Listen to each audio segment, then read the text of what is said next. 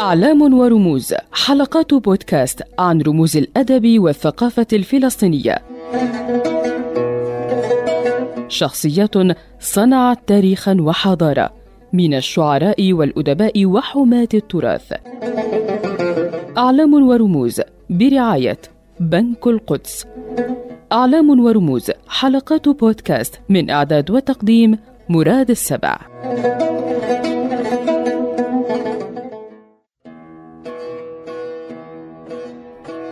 ولد الشاعر عبد الرحيم محمود في بلدة عنبتة إلى الشرق من طول كرم عام 1913 وأنهى دراسته الابتدائية في بلدته عام 25 وأكمل دراسته المتوسطة في مدينة طول كرم وأنهى الثانوية من مدرسة النجاح في مدينة نابلس وكان من المتميزين في اللغة العربية. شاعر ومثقف وشهيد. عرفت أسرته بالثقافة والعلم والفقه فسميت الفقهاء. وكان والد عبد الرحيم محمود تخرج في الجامع الأزهر وأصبح من شيوخ المذهب الحنبلي. هذا البودكاست برعاية بنك القدس. تلقى محمود علوما شرطية في بيت لحم لكنه تركها بعد عام واحد بسبب رفضه الانصياع للأوامر البريطانية ثم عمل مدرسا للغة العربية في كلية النجاح. وبعد سنوات التحق بصفوف الثورة العربية الكبرى عام 36 وعمل مسؤولا عن الشؤون الإعلامية وكتابة البيانات في مقر قيادة القائد عبد الرحيم الحج محمد القائد العسكري العام لثورة 36 وقاد أحد الفصائل وجرح في إحدى المعارك ضد البريطانيين فلجأ إلى دمشق ومنها إلى العراق.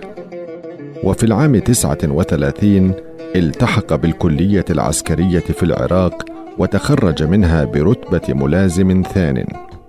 وهناك تعرف على عبد القادر الحسيني بطل معركة القسطل واشترك في حركة رشيد علي الكيلاني في أيار عام 41 وشارك معه في معركة سن الذبان.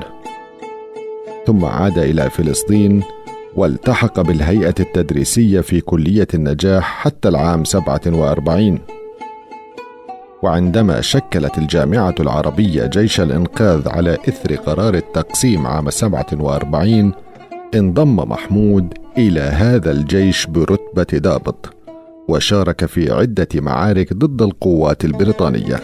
شارك عبد الرحيم محمود في معركة الشجرة وأصيب خلالها في عنقه ووجهه بشظية قذيفة واستشهد على إثرها وذلك في الثالث عشر من تموز عام ثمانية وأربعين ودفن في مدينة الناصره حيث كانت رغبته ووصيته. لقب بالشاعر الشهيد بعد قصيدته الشهيرة سأحمل روحي على راحتي وألقي بها في مهاوي الردى فإما حياة تسر الصديق وإما ممات يغيظ العدا. رحل الشاعر عبد الرحيم محمود ولم يكن لديه ديوان مكتوب ومطبوع بل كانت قصائد شعرية مبعثرة. كانت تنشر عبر الصحف والمجلات الفلسطينية والعراقية واللبنانية إضافة إلى وجود النشرات والدوريات. هذا البودكاست برعاية بنك القدس.